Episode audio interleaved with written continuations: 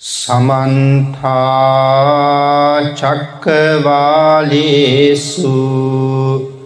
අත්‍රාගච්ඡන්තු දේවතා සද්ධම්මං මුනිරාජස්ස සුනන්තු සග්ග මොක්කදං ධම්මස්සවන කාලු අයං බදන්තා. ධම්මස්සවන කාලු අයං බදන්තා. ධම්මස්සවන කාලු අයං බදන්තා. නමෝතස්ස භගවතු අරහතු සබ්බ දම්මිසු අපපටිහතඥානචාරස්ස. දස බලධරස්ස චතුවේසාරජ්‍ය විසාරදස්ස. සබ්බ සත්තුත් උත්තමස්ස ධම්මිස්ස රස්ස ධම්මරාජස්ස ධම්මස්සාමිස්ස තථාගතස්ස සබ්බඤුනෝ සම්මා සම්බුද්දස්ස නමෝ තස්ස භගවතු අරහතු සබ්බ ධම්මේසු අප්පටිහත ඥානචාරස්ස දස බලධරස්ස චතුවේසාරජ්‍ය විසාරදස්ස සබ්බ සත්තුත්තමස්ස ධම්මිස්සරස්ස ධම්මරාජස්ස ධම්මස්සාමිස්ස තථාගතස්ස සබ්බඥුනෝ සම්මා සම්බුද්දස්ස නමෝතස්ස භගවතු වරහතු සබ්බ ධම්මේසු අපපටිහතඥානචාරස්ස දස බලධරස්ස චතුවේසාරජ්‍ය විසාරදස්ස සබ්බ සත්තුත්තමස්ස ධම්මිස්සරස්ස ධම්මරාජස්ස ධම්මස්සාමිස්ස තථාගතස්ස සබ්බඤුනෝ සම්මා සම්බුද්දස්ස සද්ධර්ම ශ්‍රාවක කාරුණික ගුණගරුක බෞද්ධ පින්නතුනි බොහෝම ශ්‍රද්ධාවෙන් යුක්තව සියලු දෙනාම සූදානන් වෙන්නේ තෙලෝගුරු ශාන්තිනායක සම්මා සම්බුදුරජාණන් වහන්සේ විසින් ලෝක සත්වයන් පිළිබඳව අසීමිත දයාවෙන් කරුණාවෙන් මෛත්‍රියෙන් යුක්තව අවබෝධ කරගෙන දේශනා කොට වදාළ පරම ගම්බීර වූ ශ්‍රී සද්ධර්මරත්නයෙන් අබමල් රේනුවකටත් වඩා අඩු බොහෝම පුංචි කොටසක් දේශනා කරවගෙන ධර්ම ගෞරවය පෙරදැරි කරගෙන දේශනාගත ධර්මය ශ්‍රවණය කරන්නත් ධර්ම ශ්‍රවණය කිරීමෙන් ලැබෙන අවවාද අනුශාසනා තම තමන්ගේ ජීවිතවලට එකතු කරගෙන වඩාත් නිවැරදි මෙලව ජීවිතයක් සකස් කරගන්නත් නිවැරදි වුණ මෙලව ජීවිතයක් තුළින් සුගතිගාමී වූ පරලොව ආයිති භවයකින් සැනසෙල්ලත් අවසානය ප්‍රාර්ථනා කරන බෝධීන් සැප සහිත ප්‍රතිපදාවෙන් ඉතාම ඉක්මං භවයක උතුම් චතුරාර් සත්‍ය ධර්මය අවබෝධ කරගෙන මේ සංසාරෙන් එතරවීමේ බලාපොරොත්තු ඇතුව. ඒ උතුම් බලාපොරොත්තු උතුම් ප්‍රාර්ථනා ඒ ආකාරයෙන්ම මුදුන් පත් කර ගැනීම සඳහා උතුම් වූ සද්ධර්මදානානි සංසය සද්ධර්මශ්‍රවනානි සංසය මේ සියලු දෙනාටම හේතු වේවා කියලා ආශිර්වාද කරනවා. පින්නතුන අද ධර්මදේශනාවේ මාතෘකාව හැටියට මම යොදාගන්න කල්පනා කළේ ධම්ම පද පාලී බුද්ධ කියන වර්ගයේ සඳහන් වන අපේ බුදුරජාණන් වහන්සේ දේශනා කොට වදාළ උතුම් ගාථාරතනයන් දෙකක්. පූජාරහි පූජයතු බුද්ධේ යදිච සාවකු පපංච සමතික්කන්තේ තින්න සෝක පරිද්ධවේ තේ තාදිසේ පූජයතු නිබ්බුතේ අකුතෝ භයේ නසක්කා පුඤ්ඥං සංකාතුන් ඉමෙත්ත මති කේනචි. මේ ගාථාරතනයන් දෙක අපේ බුදුරජාණන් වහන්සේ දේශනා කොට වදාලේ භික්‍ෂූන් වහන්සේලා බුදුරජාණන් වහන්සේගෙන් අහපු ප්‍රශ්නයකට පිළිතුරක් හැටියට. අපේ බුදුරජාණන් වහන්සේ සැවැත්නුවර ජේතවනාරාමෙන් නික්මිලා බරණැස බලා වැඩම කරන අවස්ථාව. ඒ අවස්ථාවේ සැවැත්නුවරත් බරණැසත් අතරතුර තියෙනවා තෝදෙය කියල ගමක්. මේ තෝදෙය ගමේ නික සාමාන්‍යෙන් දේවාල භූමියක් වගේ තැනක් පිහිටලා තිබුණා. අපේ බුදුරජාණන් වහන්සේ මේ දේවාල භූමියයට වැඩම කරලා එතන නතර වෙලා අග්‍ර උපස්ථායක ආනන්දයන් වහන්සේ ආමන්ත්‍රණය කරන උන්වහන්සේට මතක් කළ ආනන්ද අර කුඹුරේ වැඩ කර කර ඉන්න ගොවියට මං කතා කරනවා කියල කියන්න. පාරයිලි කුඹුරක ගොවීක් වැඩ කරනවා. ඔහු බ්‍රාහ්මණය මං කතා කරනවා කියල කියන්න. ආනන්දයන් වහස ගිහිල්ල කතා කළා. තිලෝගුරු සම්මා සම්බුදුරජාණන් වහන්සේ ඔබට ආමන්ත්‍රණය කරනවා කියලා. ඉතින් කුඹුරෙන් ගොඩ වෙලා ආව.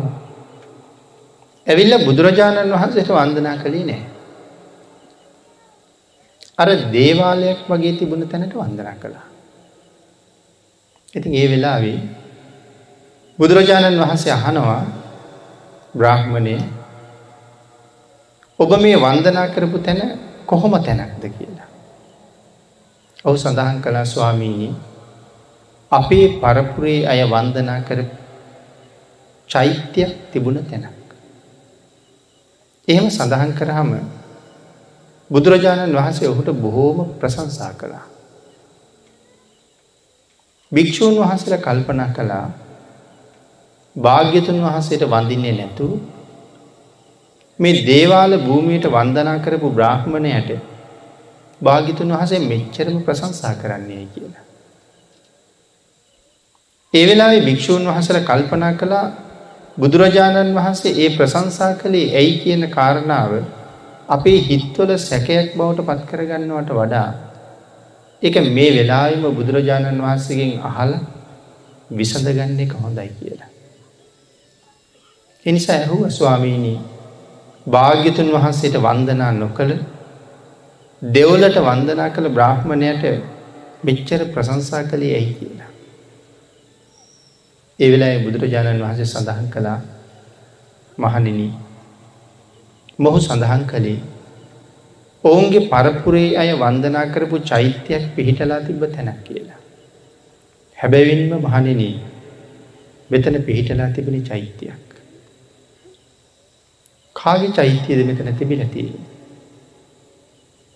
මේ අන්තර් කල්පයකට එහා පැත්ති සිද්ධිය. අපේ බුදුරජාණන් වහස මතක් කරනවා මහනිනී. මා පහළ වුණ මේ අන්තර්කල්පයට කලින් අන්තර්කල්පේ. ලෝකෙ පහළ වුණේ කාශ්‍යප සම්මා සම්බුදුරජාණන් වහන්සේ. කාශ්‍යප සම්මා සම්බුදුරජාණන් වහන්සේගේ එකම ධාතුන් වහන්සේ නමක් විතරයි දෙවියන්ටත් මිනිසුන්ටත් වන්දනා කරන්න ඉතුරු වෙන්නේ. ආංගේ ධාතුන් වහසේ තැන්පත් කරලා. දෙවියුත් මිනිස්සුත් දෙගොල්ලම එකතු වෙලා යොදුනක් උසට හදාපු ස්වර්ණ වර්ණ චෛත්‍යය පිහිටලා තිබුණි මෙතැනයි කියලා. ඒ නිසා මේ ස්ථානයට යමෙක් හිත පැහැදීමෙන් වන්දනා කරනවා නම්. ඔහු ලබාගන්න කුසලස්කන්දේ මෙච්චරයි මෙපමණයි කියල සීමාවක් කරලා දැක්විය නොහැකි බව දේශනා කළා. ඒනිසයි මං අගේ කළේ. කියන කාරණාව භාගිතුන් වහස දක්වල. ඒ ස්වර්ණවර්ණ චෛත්‍යය අපේ භාගිතුන් වහන්සේගේ ඉරදිමය බලයෙන් අහසේ මවාපෑම. සියලු දෙනාම යොදුනක් උස මහා චෛත්‍ය රාජාණන් වහන්සේ දැකළ. සිත පහදවාගෙන වන්දනා කරලා සුගතියට මඟ හදා ගත්තා. ආන් ඒ කාරණාව පදනම් කරගෙන අපේ භාගිතුන් වහසේ අපි මුලින් මාතෘකාව කරගත්ත ගාථාරත්නය දේශනා කොට වදාලා. අපි ඒ ගාථාරත්නයන් දෙකයි සරල තේරුමත් ටිකක් කෙටියෙන් සාකච්ඡා කරමු. පූජා රහේ පූජයතු බුද්ධේ යදිච්ච සාවකු පූජායති පූජයතු බුද්ධේ යදිච්ච සාවකු තෙලෝගුරු සම්මා සම්බුදුරජාණන් වහන්සේට හෝ බුදුරජාණන් වහන්සේගේ ශ්‍රාවක සංගරත්නයට හෝ පපංචම මතික්කන්තේ තින්න සෝක පරිද්දවී ප්‍රපංච නැතිකළ සෝක රහිත වෙච්ච ඒ මහා උතුමන් වහන්සේලාට යම් කෙනෙක් පූජා පවත්වනවනක් එයින් ලැබෙන ආනිසංසය මෙච්චරයි මෙපමණයි කියලා සීමාවක් කරලා දැක්විය නොහැකි කියන කාරණාව සිහිපත් කරන. දෙවනි ගාථාරත්නය සඳහන් කළා තේ තාදිසේ පූජයතු නිබ්බුතේ අකුතෝ භයේ නසක්කා පුඤ්ඥං සංකාතුම් ඉමෙත්ත මති කේනකි සඳහන් කළා නිවුණු සිත් ඇති කොතැනිමුත් බිය නැති කෙනෙක් යමි පූජාවට භාජනය කරනවන ගරු සත්කාරයට ලක් කරනවනම් ඒ ලැබෙන කුසලයක් මෙතෙකැයි නිමක් නෑ කියලා. මේක තමයි ගාථාරත්නයන්ගේ සරල තේරුම. එතොට මේ කාරණාව විස්තර කරනකොට පින්නතුනී අපේ බුදුරජාණන් වහන්සේ විශේෂයෙන් කරුණු දැක්වා මේ චෛත්‍යය පිළිබඳව කාරණාව සංඝයට පැහැදිලි කරනකොට ගටීකාර සූත්‍රයේ දේශනා කරලා තමයි ඒ කරුණු මනාව තහවුරු කරලා දේශනා කොට වදාලි. මෙතන සඳහන් කළා පූජාරහි කාතද මේ පූජාරහි කියල කියන්න. පූජාවට සුදුසු වෙච්ච උතුමන් වහන්සේලා. පූජාරහි. සඳහන් කරනවා ආමිස පූජා ප්‍රතිපත්ති පූජා මේ ආකාර දෙකින්ම පූජාවට සුදුසු කවුද. ඊළඟට සඳහන් කළා එසේ යම් කෙනෙක් එවන් උත්තමයන් වහන්සේල උදෙසා පූජා පවත්වනවාන.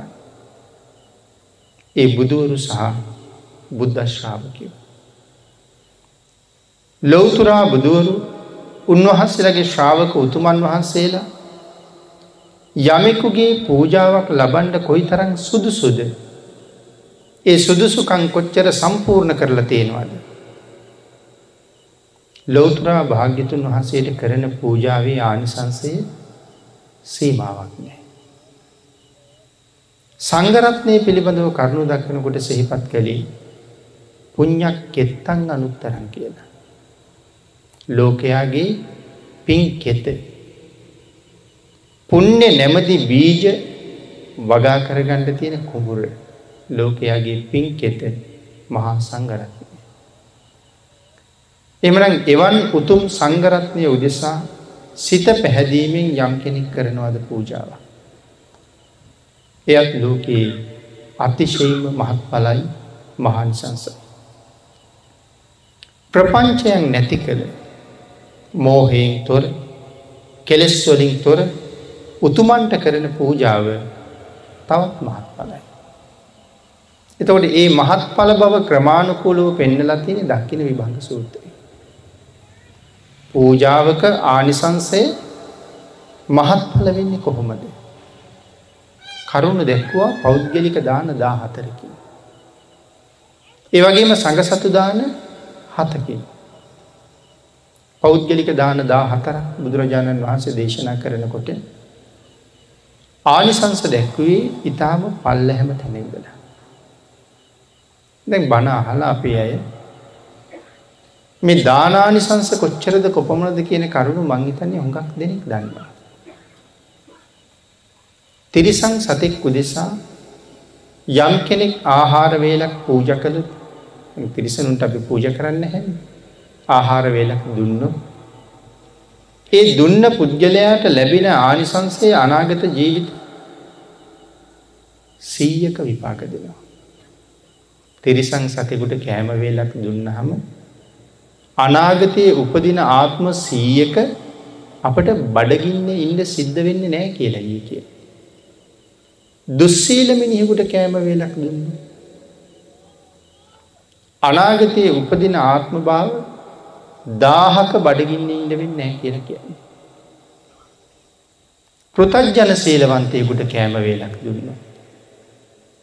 අනාගත ජීවිත ලක්ෂයක් බඩිගිනි වේදනාවන්ගේ විදෙනවා. ඊළඟට සඳහන් කළා අහසින් යන පංච අභිග්ඥා අෂ්ට සමාපත්තිලාබී රිෂිවරයකුට ආහාර වේලක් දුන්නොත්. අනාගත ජීවිත කෝටි ලක්ෂයක විපාක දෙනවා. ඊට අමතරව සඳහන් කලා ඊට පස්සේ තිසරණයි පන්සිලුයි තියෙන උත්තමයකුට ආහාර වේලක් ලබල දුන්න. මෙතන පින්නතන තිසරණත් එන්නේ ඊළඟ පන්සිලුත් එන්නේ ඊළඟට. තිස්සරණ විතරක් තියෙන කෙනෙකුට ආහාර වේලක් දුන්න. අනාගත ජීවිත අසංකේයක විපාක දෙනවා. පන්සිලුත් තියෙනවන ඊටත් වැඩි. අටසිල් මතන ඊටත් වැඩියානි සංසේ. දසසිල්වල නංගින්නේ ඊටත් වැඩියානි සංසේ. සාමනේර සීලේ නං ආරක්ෂා කරන්නේ තවත් වැඩියානි සංසේ. උපසම්පදා සීලයේ මතනං ඉන්නේ. දන් දෙන දායකයට ආනිසංසේ තවත් එහා පැත්තට යනවා. සෝවාන් සකදාගාමි අනාගාමි අරිහත් කියන උත්තමයන්ට දන් දෙනකොට නිමක් බෑ. එතකොට මේ තිසරණ තියෙන කෙනාගේ ඉඳලා ලෞතුරා බුදුරජාණන් වහන්සේට පිළිගන්වන දානය දක්වා. ආනිසංසය ඉලක්කමෙන් දක්වලා තියෙන්නේ අසංකෙයයි කියලා. තිසරණ තියෙන කෙනාට දන් දුන්නත් අසංකෙයයි ලෞතුරා බුදුරජාණන් වහන්සේට දන් දුන්නත් අසංකෙයයි. එතකොට දැන් අපිට හිතෙනවනේ එනති වෙනසක් නෑනි භාගිතුන් වහන්සේම හොයාගෙන යන්න ඕ නෑනි තිසරණ තියෙන කෙනෙකුට ආහාර දුන්නත් ඇතින කියලා. ඇයි මේක අසංකේය කියන ගානම සඳහන් කරලා තියෙන. අසංකේයට වඩා ගණන් කරන්න ඉලක්කමක් නැතිහින්ද. කියන්න ගානක් නෑ. නමුත් මහත් පල බව දක්වන්ඩ ජලයෙන් සහ තලයෙන් බුදුරජාණන් වහසේ උදාහරණ දෙකක් පෙන්නල තියෙනවා. ජලයෙන් දක්වපු උදාහරණය තැමයි අපි කියමු පොල් කටුවක වතුර තියෙනවා. ඒ පොල් කටුවේ තියෙන වතුර ප්‍රමාණයට කියනවා අසංකේයයි කියලා. මහමුහුදෙත් වතුර පිරිල තියෙනවා. ඒකටත් කියනවා අසංකේයයි කියලා. දෙතුර පොල් කටුවයි තියෙන වතුරත් අසංකේයයි මහසාගරයේ තියෙන ජලය අසංකේයයි. දෙකම අසංකේයයි. නමුත් අපි දන්නවා කොහෙද වැඩි කියලා. අං ඒ වගේ තමයි තිසරණ තියෙන කෙනාට දුන්නහමත් අසංකේයයි. අපි මේක තේරුම් ගණ්ඩ කියමුකෝ තිසරණ තියෙන කෙනාට දුන්න අසංකේය පොල් කටුවේ තියෙන වතුරවාගේ. ලෝතුරා බුදුරජාණන් වහන්සේට දන්දුන් හම ලැබෙන ආනිසන්සේ අසංකීය මහසාගරයේ ජලය වගේ. එහෙම තමා පැහැදිලි කරලා තියන්නේ ජලයෙන්. තලයෙන් කියන කිවේ ගොඩ බිමෙන් පැහැදිලි කරපු හැටි. අපි පින්නතුන් දැකල තියෙනවන අපි ඉස්සර කොළපාගණ්ඩ කමතක් සුද්ධ කරනවා. ලියද්ද මැද්දෙම බොහොම රවුමට කමතක් සුද්ධ කරනවා. ඒ කමතේ වට ප්‍රමාණයට මේ මහපොළොව හාරලා හාරලා මහපොළුවේ අවසානයට යනකම්ම පෂ්ටික ගොඩ දැම්මොත් කොච්චර පස් ප්‍රමාණයක් තියෙනවද. ඒ කමතෙන් ගොඩදාපු පස් ප්‍රමාණයයි මහපෘතුවී තියෙන පස් ප්‍රමාණය සංසන්ධනය කරහම කමතෙන් ගොඩදාපු ප්‍රමාණය කොයි තරන් ස්වල්පද. එන තිසරණ තියෙන කෙනාට දුන්නා සංකය කමතෙන් ගොඩදාපු පස් ප්‍රමාණය වගේ බුද්ධාදී මහෝත්තමයණන් වහන්සේලට දන්දීමේ අසංකයේ මහපෘතුවී පස් ප්‍රමාණය වගේ. මේ උදාහරණ දෙකින් තමයි මේක පෙන්නලා තියෙන්නේ. එහෙම නැත්තං භාග්‍යතුන් වහසට පූජ කළත් තිසරණ තියෙන කෙනාට පූජා කළත් ගණනින් කිවොත් අසංකයයි කියල තමයි කියන්න තියෙන. එතකොට මේ බුද්ධාදී මහෝත්තමයන් වහන්සේලාට සම්මා සම්බුදුරජාණන් වහන්සේගේ ශ්‍රාවක සංගරත්නයට යම් කෙනෙක් සිත පැහැදීමෙන් යම් පූජාවක් සිද්ධ කරනවා නයි. එයින් ලැබෙන ආනිසන්සේ ප්‍රමාණයක් නෑ කියල මෙතන සඳහන් කළා. එදා කෙනෙක් කලානං එහෙම පූජාවක් ඒ පූජාව එදා කලා වගේම අදත් කරන්න පුළුවන්. ප්‍රඥාව තියෙනවන සිහිය තියෙනවන ශ්‍රද්ධාව තියෙනවනන් එවන් අයට කවදාවත් අපි අසරණයි කියලා හිතෙන්දි නෑ. ශ්‍රද්ධාව ප්‍රඥාව හීනයිනන් තමයි අපි අසරණයි කියල හිතෙන්නේ. මොකද අපට අසරණවෙන්ඩ බුදුරජාණන් වහන්සේ අවස්ථාව දීලනෑ. තාමත් බුදුරජාණන් වහන්සේ අපිට මනාවම පිහිට වෙලයි තියෙන. ඊළඟට මෙතන සඳහන් කළා ප්‍රපංචයන් නැති කළ සෝක නැති කළ උතුමන්ට කරන පූජාව අතිශයින්ම මහත් පලයි. කෞද ප්‍රපංච නැති කළ සෝක නැති කළ උතුමෝ කියල කියන්නේ. ඒත් බුද්ධාදී මෞත්තමයන් වහන්සේ ළමයි. ඉළඟට සඳහන් කළා තේ තාදිසේ පූජයතු නිබ්බුතේ අකුතෝ බයි. තේ කියල කියන්නේ තේ කියන්නේ ඔවුන් සඳහන් කරනවා නිමුණු සිත් ඇති කොතැනිනුත් බිය රහිත වූ එබඳුම පුද්ගලයන් යමි වන්දනාවට පාත්‍ර කරනවද.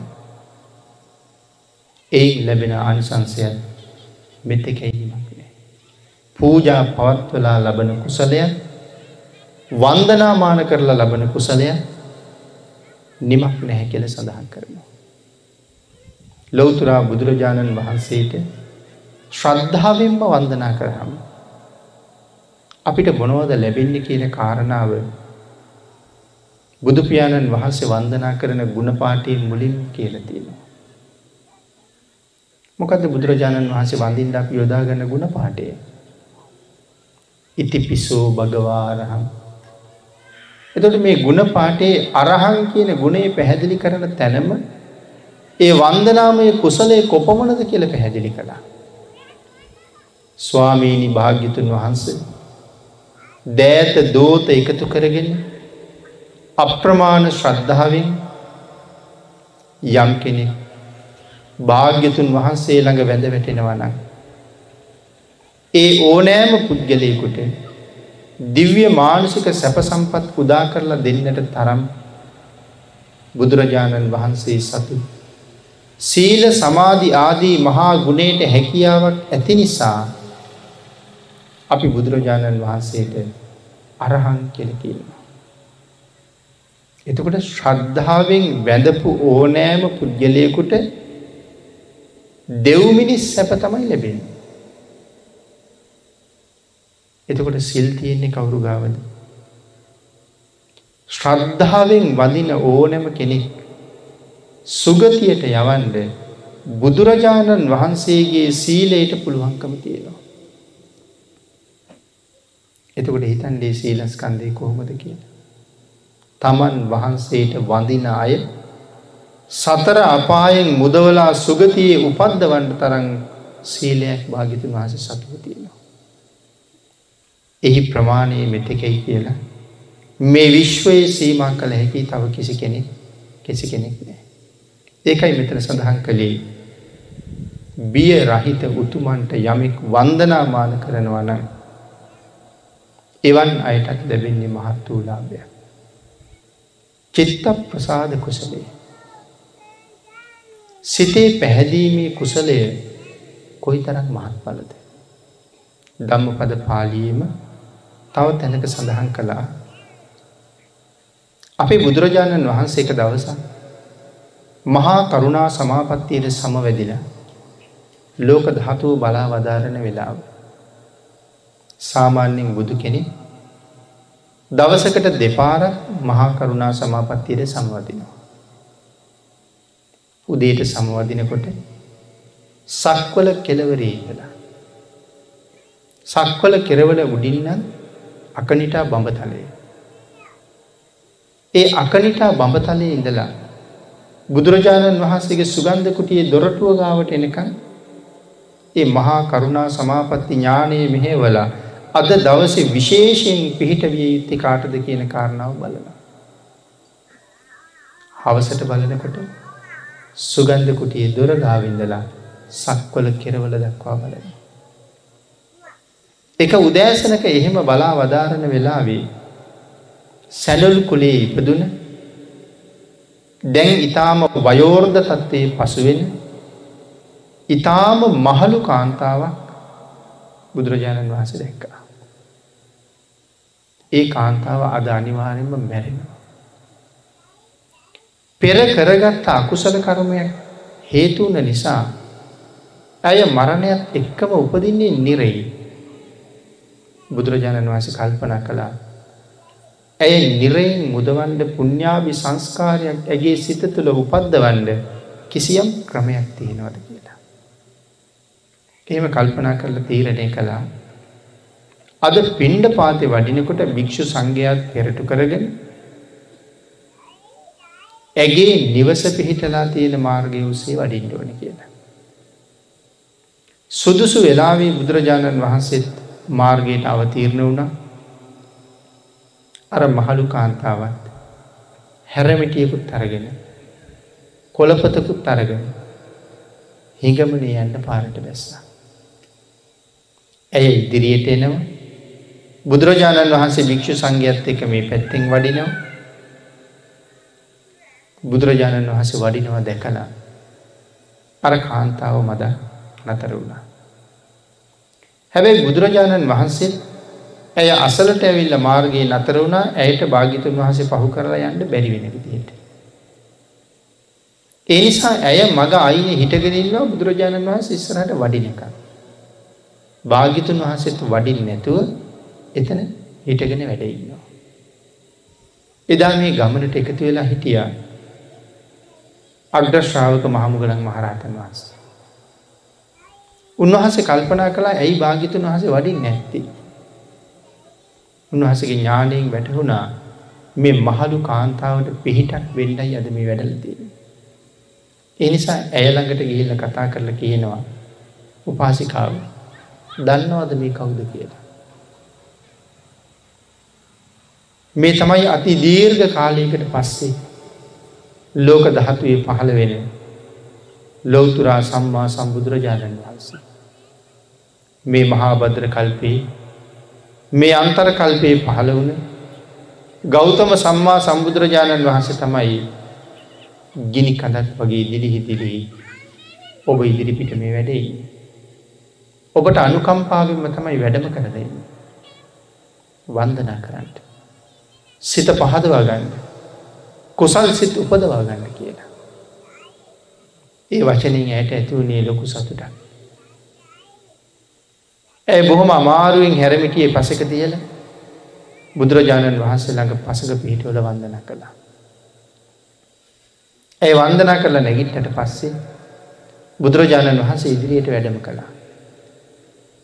නමුත් ඇගේ හිතේ තියෙන සතුට ඇය තාමත් බුදුරජාණන් වහන්සේ දිහා බලාගෙන ඉන්නවා. මොකද ඇය බුදුරජාණන් වහන්සේ ගැන ඔයිට කලින් ඕන තරම් අහලා තියෙන්නත් ඇති. දැකලා තියෙන්නත් ඇති.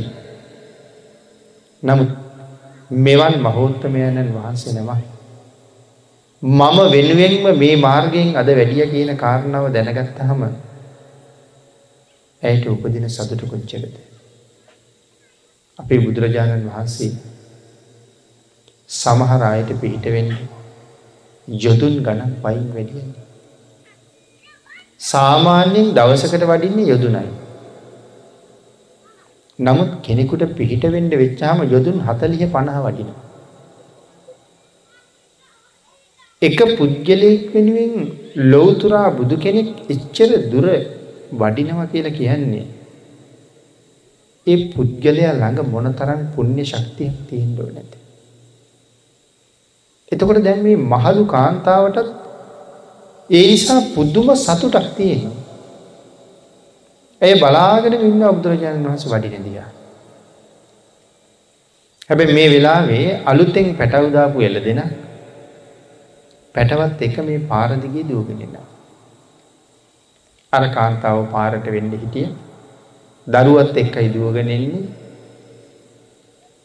අඟින් එන්නහම මේ මහලු කාන්තාව මැරිලම වැටුණා. මරණයත් එක්කම නින්දෙන් පිබුදුනා වගේ ඇ තවතිසාගේ උත්පත්තිය ලැබවා. තනිකටව රන්වන් විමානයක්. දස් ගනන් දිව්‍යාංගනාව පෙරටු කරගෙන යෙන්න. මේ දිව්‍යාංගනාව කල්පනා කළා මේ තරන් මහත් සම්පත්තියක් මට ලැබුණේ මං මොනවාගේ කුසලයක් කරපු නිසාද කියලා. ඇයට අරමුණ වුණා මං මනුස්සලෝගේ සැඩවල් මහළු කාන්තාවක් හැටියට හිටපු වෙලාවි. ලෝතුරා බුදුරජාණන් වහන්සේට වන්දනා කරල තමයි මං මෙවන් උසස් තැනකටාවි. ලෝතුරා භාගිතුන් වහන්සේට වන්දනා කරන්න මට මගහසර කියල දුන්නේ මහ මොග්ගල්ලාන්නන් අග්‍රශ්‍රාවකයන් වහන්සේ. උන්වහන්සේට මම කෘතගුණ දක්වන්න ඕනේ.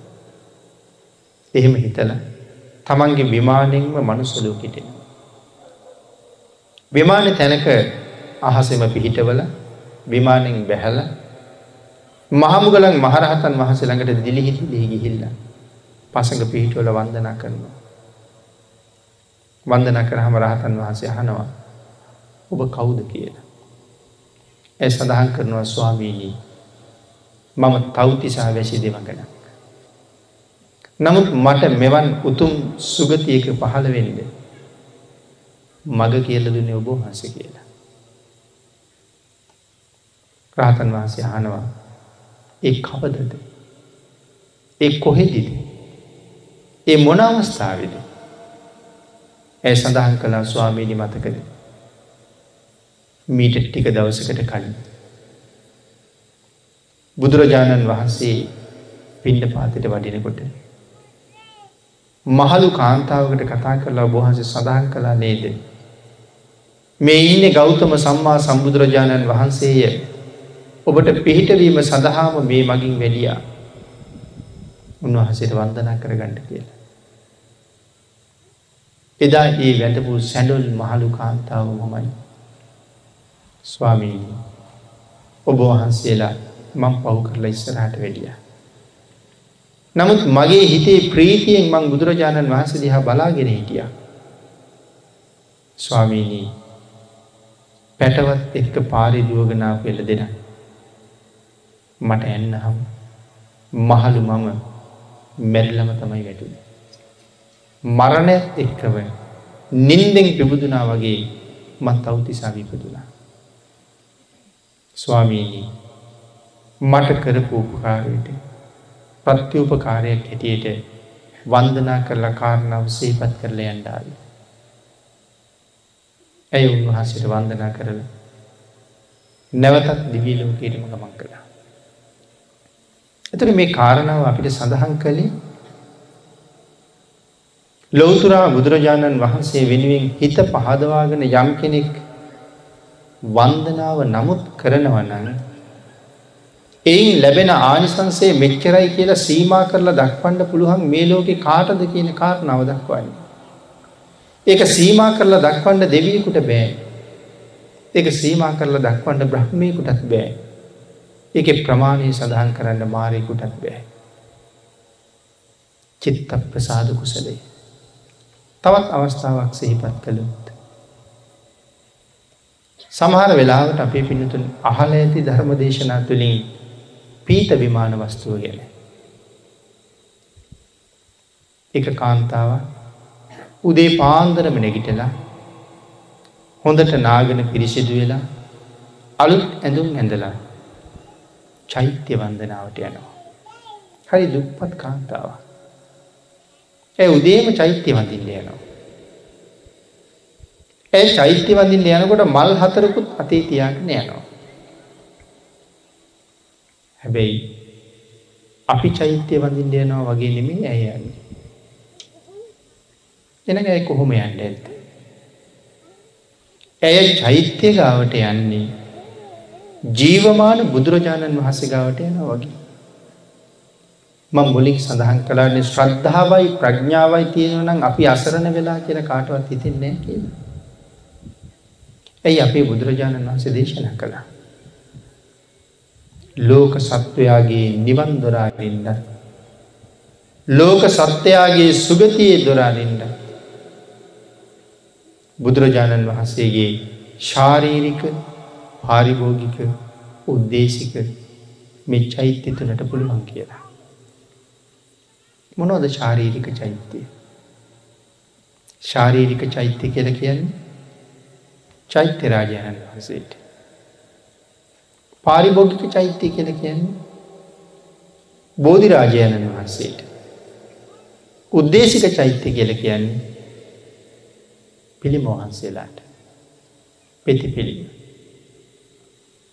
මේ චෛත්‍ය තුනටම පුළුවන් සත්වයාගේ නිවන්දොරත් සුගතිය දොරත් දෙක මරණට.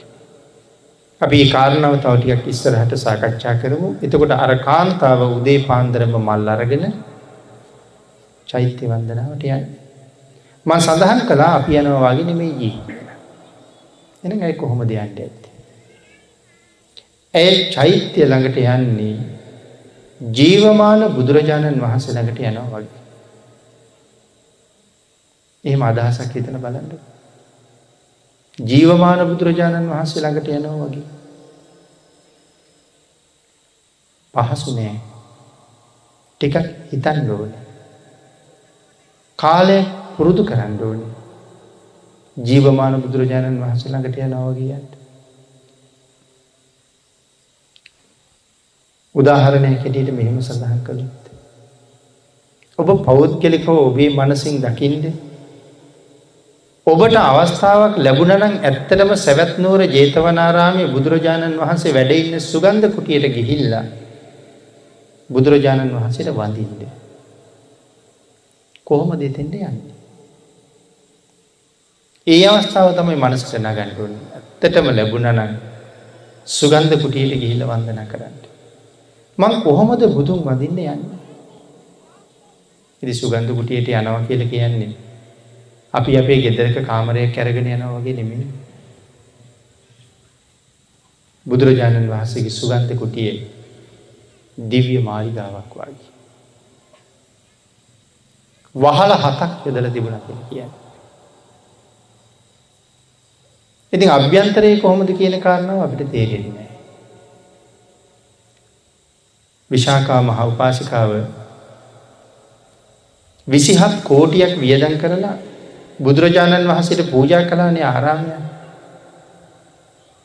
පූර්වරාමී තහට කෝටියයි වියදන් කළේ නමුත් සඳහන් කරනවා පූජා කිරීමේ උත්සවය සඳහා වියදන් කරපු මුදලත් එකතු කරහම කෝටි විසි හතක් කියලා. එටකොට ධර්මය කරුණු දක්වන සමහර තැන්වලින් මුණගැහෙනවා ඒ පූර්වාරාම විහාරයේ කුටිදා යටමාලිකුටි පන්සීයයි උඩුමාලිකුටි පන්සීයයි. සෑම කුටියක් කුටියක් ගාවම දොරකට දාලා තිබිච්ච පාපිස්නාව කහවනු ලක්ෂයක් වටිනවා එකක් කියලා. එක පාපිස්සක් කහවනු ලක්ෂයක්. මේ කාරණාව සඳහන් කරලා තියෙන්නේ මේ ආරාම පූජාවට එනවා විශාකා මහ උපාසිකාවගේ යෙහෙලිය. ඇය අරගෙනවා කහවනු ලක්ෂයක් වටින වස්ත්‍රයක් මේ පාපිසක් කහවනු ලක්ෂකට වඩා වටිනවා. කහවනු ලක්ෂයක් වටින වස්ත්‍රයක් ගෙනල්ලා සේවි විශාකාවට දෙනවා සහෝදරිය මමත් පූජාභාණ්ඩය කරගෙනවා. මේකත් සුදුසු වෙලාවක සඟසතු කරලා පූජ කරමු කියලා. කොහොමත් මුළු ආරාමිම සඟසතු කෙරෙනවනේ. එනිසා විශාකාව සඳහන් කළා ඔබට සුදුසුයි කියලා හිතන තැනක ඔබ පූජ කරන්න කියලා. ඇයි මේ කාරගෙන ගියා කුටියක් කුටියක් ගාන. අරගෙන ගිය පාපිස්සකට දාන්න. පාපිස්සක් පාපිස්සක් ගාන ගිහිල්ල බලන්නකට හැම පාපිස්සක්ම තමන්ගේ වස්ත්‍රයට වඩා වටිනවා. අන්තිමට තමන් ගෙනාපු වස්ත්‍රයේ තුරුල් කරගෙන අඩන්ඩ ගත්තා. ආනන්දයන් වහස දැක ලැහුව ඇයි අඩන්නේ. සඳහන් කලා ස්වාමීණී පූජා කරන්ඩේ වස්ත්‍රයක් ගෙනවා. අඩුම තරමේ මගේ වස්ත්‍රය මේ මාලිගාවේ පාපිස්සකටත් සුදුසු නෑ කියලා. ඇයි මේක ඇඳ ඇතිරිල්ලක් හැටියට දාන්න බෑ. වෙනත් පුටුවක ඇතිරිල්ලක් හැටියට දාන්නත් බෑ. මොකද ඇඳ ඇතිරිලි ඒ තරම්ම වටිනවා. පුටුවට දාලා තියෙන ඇතිරිලි ඒ තරම්ම වටිනවා. ඒ නිසා තමයි අන්තිමට තීරණය කරන්නේ පාපිස්සකටවත් දානවා කියලා. නමුත් පාපිසි ගාවට ගිහිල්ල බලහම පාපිසිත් ඊට වඩා වටිනවා. ඊට පස්සේ තමයි ආනන්දයන් වහන්සේ පෙන්නවා විශාකාවට පාපිස්සක් දාන්න අමතක වෙච්ච තැන. ආං එතනින් දෙකට නමල දාන්න කියල කිව්වා. ඒ වෙලාවි තමයි ඇය සැනසුනේ. මම කියන්න හැදුවේ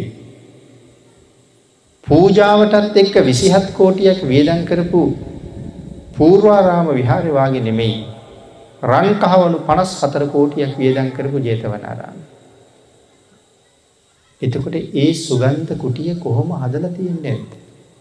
ඉතින් අපිට මේ අවස්ථාව ලැබෙනවා කියලා දැන් හිතින් දකින්නේ එතෙන්ට යන්නේ.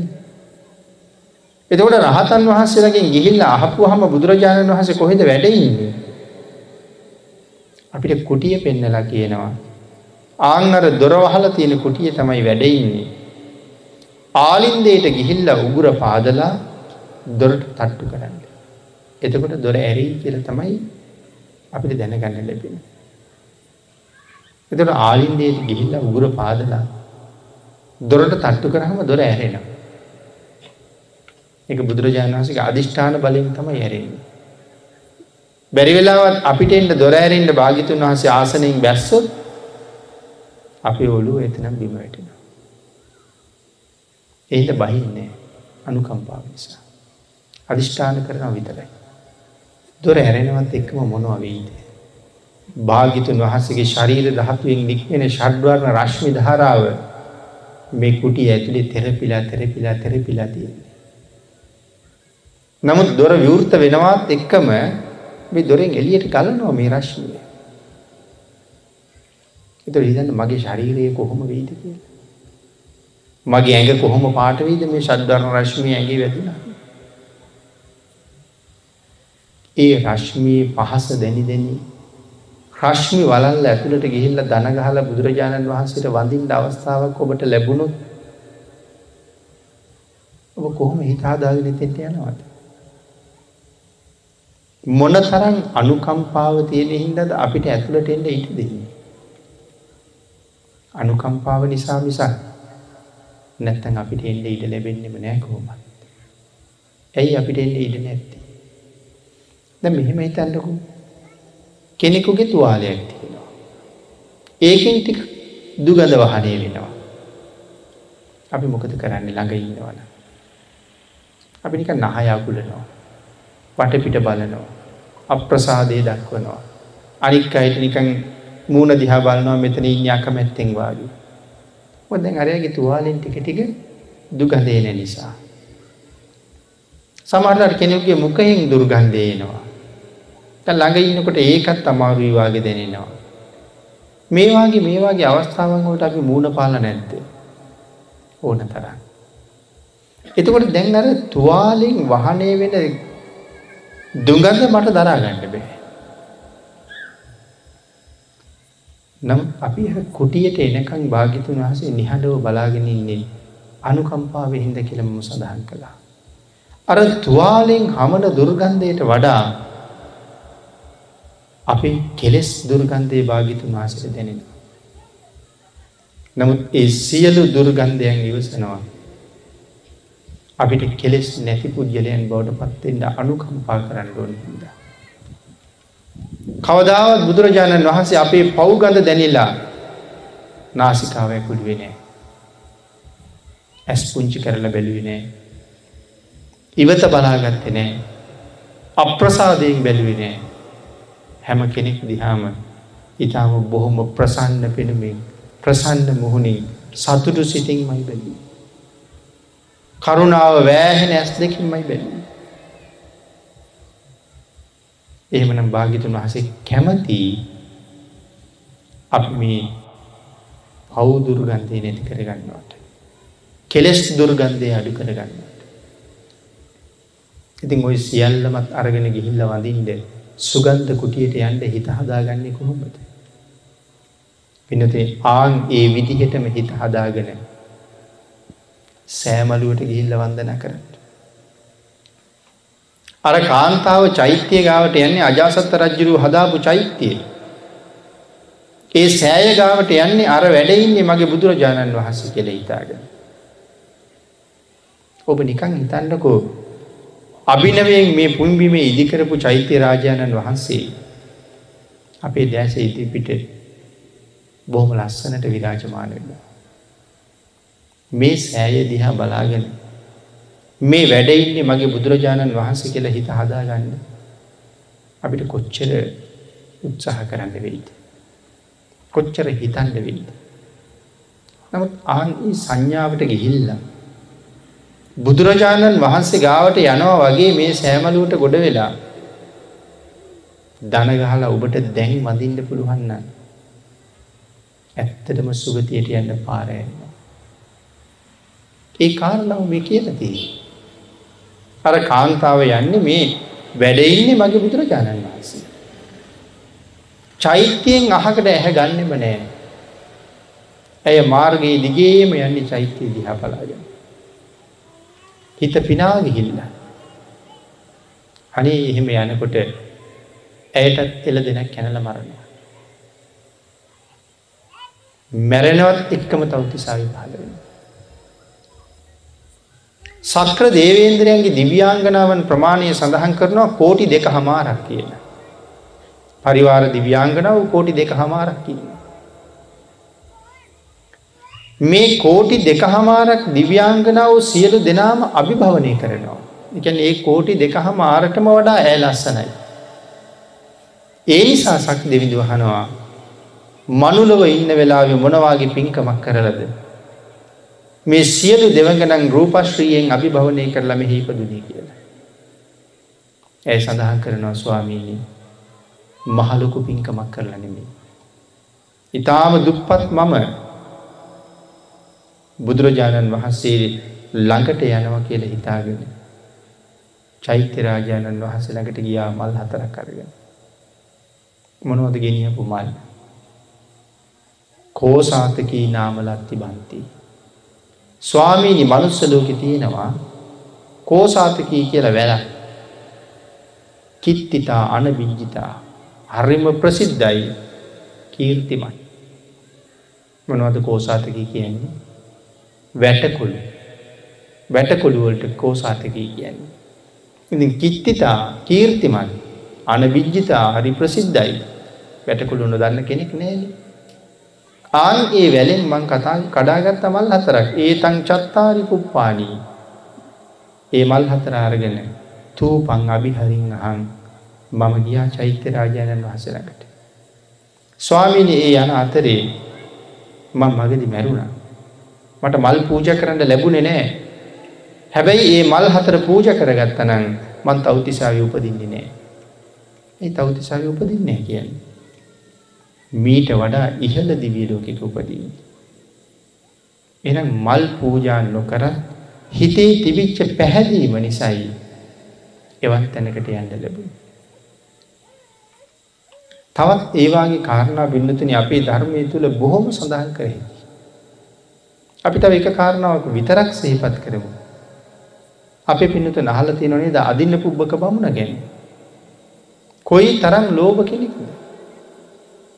කෝටි ගණන් සල්ලි ධනය තිබිල තමන්ගේ දරුවගේ අසනීප උත්සන්න වෙච්චහම දරුවගේ අසනීප තත්ත්වය බලන්ඩ යනේන මිනිස්සු ගේ ඇතුළි තියෙන රත්තරන් කන්ද දකී කියලා ළමය ගේ ඇතුරින් ගෙනල්ල එලි ස්තෝපී දැම. එකම පුතාට තෝඩු දෙකක් හදල දෙන්න නැතුව රත්තරන් කෑලි දෙකක් තමම්ම අරගෙන තලලා ඒක විදල කණේ ඉල්ලවා.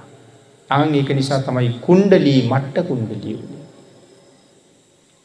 ඒ තරම්ම ලෝබයි. මට්ට කුණ්ඩලී මරණසන්නයි. අපේ භාගිතුන් වහන්සේ මට්ට කුණ්ඩලිව දැක්කා. මට්ට කුණ්ඩලීට පිහිට වෙන්න හිතුවා. මට්ට කුණ්ඩලී ඉතාම ආසන්නයි මරණයට. බිත්තිය පැත්තට හැල්ල තමයි නිදාගනීම. එය මේ පැතර හරව ගණ්ඩිපෙයි. බුදුරජාණන් වහන්සේ දැකලවත් පැහැදිල්ල. එනිසා භාගිතන් වහසේ බුද්ධ රශ්මි කදම්බයන් බිත්තියට එල්ල කළා. ජීවිතයේ හිතාගණ්ඩ බැරි තරන් පුදුම සෞම්‍ය රශ්මිය. කොහෙන්ද විහිදෙන්නේ කියලා බලන්න ඕන නිසා අනිපත් හැරුණ. හැරිල බලන්නකොටම දැක්කේ සඳ මඩල පරයන් සුන්දර මුහුණ බුදුරජාණන් වහන්සගේ ශ්‍රීමූ මඩල. දකිනවත් එක්කම හිතේ ඇතිවුණේ මෙතෙක් කවදාවත් ඇති වෙලා නැති ප්‍රීතියක් ඒත් එක්කම මරණයට පත් වෙලා දිවියලු ඉපදුනා. ඉතින් ඒකයි මේ සඳහන් කළේ මේ ගාථාරක්නේ. යම් කෙනෙක් සැදැහැ සිතින් පැහැදීමෙන් ලෝතුරා බුදුරජාණන් වහන්සේට වන්දනා කරනවනන් ඒ වන්දනාවම ඔහුට මොන තරන් සුභ පලගෙනල්ල දෙනවද කියන කාරණාව. ඊළඟට ධර්මය සඳහන් කරනවා මේ ලෝකයේ ජීවත්වෙන සත්වයාගෙන් වැඩි පිරිසක් මරණයෙන් පස් කොහෙ දුපදින්නේ. සතරපායි. මනුස්ස චුති සූත්‍රයේ පැහැදිලි කර පුදාහරණය පුදුමයි. මොකද මනුස් චුති සූත්‍රයේ තින උදාහරණය.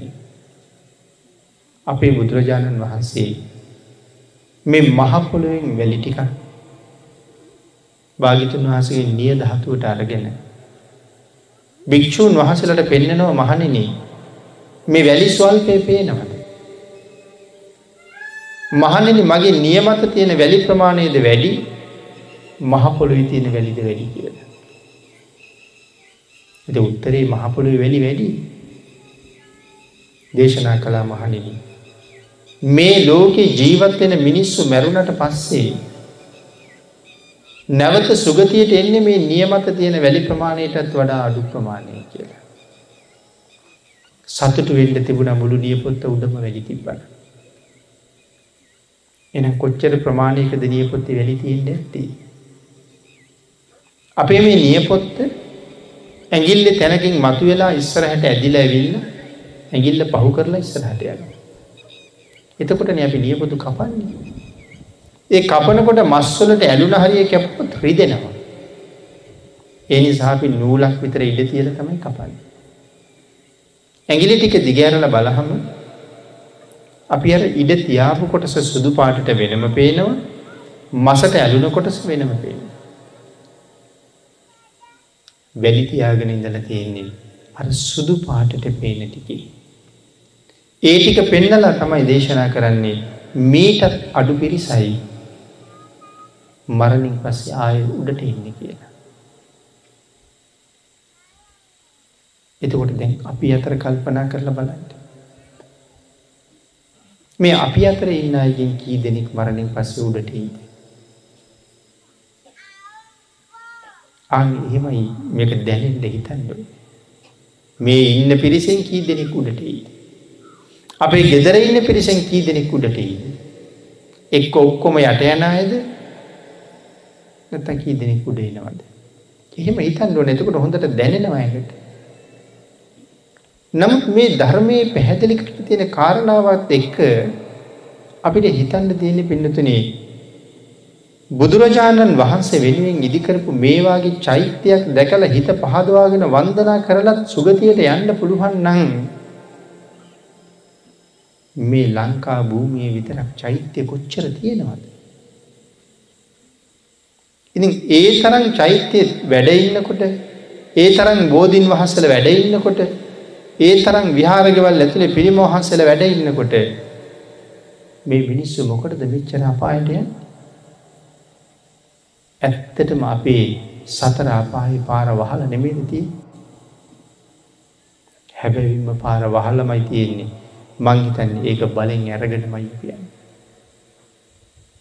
අක්කාතාරෝ තථාගතෝ බුදුවරු කියලා කියන්නේ මග කියලා දෙන උත්තමයෝ විතරයි. කවුරුත් නිවනට අරන් යන්නේ නිවන පෙන්නනවා. යන්න පාර පෙන්නනවා. කෙනෙකුට බඩගිනි වෙලා හාමත් වෙලා අඬනවා කෑම ඕන කියලා. කවුරු හරි ඔහුට කෑම දෙනවා. කෑම එක දිහා බල බලත් අඬනවා. දැන් වරද තියෙන්නේ කෑම එකේද? වරද තියෙන්නේ කන්නේ නැති මිනිස්සුයි. කෙනෙක් කඩුවක් උස්සගෙන තව කෙනෙකුට මරන්න එලවගෙන එනවා කොටන්න. හොඳට නිදහසේ බේරිලා දුවන්න පාරේ ඉඩ තියෙනවා. නමුත් කඩුවෙන් කොටනකම් මෙතෙන්ට වෙලා කෑ ගහලා ඉන්නවා. වැරද්ද තිබ්බේ පාරේද? දුවලා බේරිච්ච නැති මිනිහගේ. බුදුවරු අපිටනි සංසාරයෙන් එතර යන්න ධර්මයේ දේශනා කළා. ඒ දහම තාමත් මේ ලෝකෙ ජීවමානයි. එහෙම ජීවමාන දහමක් තියෙනකොට ඉතින් සත්වය ආපායට යනවනම් වරද්ද තියෙන ධර්මයේද? වැරද්ද තියෙන්නේ අපි. එහෙමනම් මේ ලංකා භූමිය වගේ පුණ්‍යවන්ත බිමක ඉපදිච්ච කෙනෙක් පින්නතුනි එවන් අය නිරේට නොයා යුතු අය. නමුත් ශ්‍රද්ධාව ප්‍රඥාව නැති නිසා අපි වැඩි පිරිසක් නිරේටම යනවා. බුද්ධාදී මහෝත්තමයන් වහන්සේලා උදෙසා කරන පූජාවක් මොනතරම් මහත්ඵලද මහානිසංස දායකද කියන කාරණාව පැහැදිලි කරන්න කරුණු කොච්චර මේ ත්‍රිපිටකයේ තියෙනවද? ඒ තරම් භාග්යක් වාසනාවක් මේ ලෝකේ ලැබිච්ච අය ඉන්නේ ඊටාම සීමිත පිරිසයි. අපි පිනතුන් හිතන්න ලංකාවේ දකින්නව තරම් චෛත්‍ය දකින්න මේ ලෝකේ තව කොහෙද තියෙන්නේ කියලා. ඇමරිකාවේ ගිහිල්ලා චෛත්‍ය දකින්නද? ඕස්ට්‍රේලියාවේ ගිහිල්ලා චෛත්‍ය දකින්නද? පන්සල් කීපයක් තියෙන තැන්වල පොඩියට පොඩියට තියෙනවා. අඩු තරමේ තවත් බෞද්ධ රටවල් කියලා තියෙන රටවල් වලවත් මං හිතන්නේ ලංකාවේ තරම් චෛත්‍ය නැතුව ඇති කියලා. ඒ තරම් සුදෝ සුදු චෛත්‍ය අහසට ගොඩ නැගිලා. බුදුරජාණන් වහන්සේගේ විශේෂ අනුග්‍රහය මේ රටට තියෙන නිසා. නමුත් අපි කවුරුවත් එකින් පලනෙල්ලන බවක් වැඩිපුර පේන්නේ නෑ. මේ තරම් පිම්බිමට ඉපදිල හුඟක් අකුසල් කරගන්න අයින්නේ. මේ මහපොළුවත් හොළවලා අපිත් මහපොලෝ යටට දාන්න තරම් දැන්නම් අපි අතර තියෙන අකුසල් හොඳටම ප්‍රමාණවත් කියලා හිතෙනවා. නමුත් තාමත් ඉවසගෙන ඉන්නේ ඇයි එහෙම නොකර? මේ මහ පොළොව හොලවන්න නැතුව ඉන්නේ බුදුරජාණන් වහන්සේගේ ධාතුන් වහන්සේලා අරගෙන සුදෝ සුදට අහස උසට නැගිට මේ චෛත්‍ය රාජයන් වහන්සේලා වැඩ ඉන්න හින්දා. බෝධින් වහන්සේලා වැඩ ඉන්න හින්දා. ඒ පිහිටෙන් වෙන්න ඇති අපි තාමත් මෙහෙම ඉන්නේ.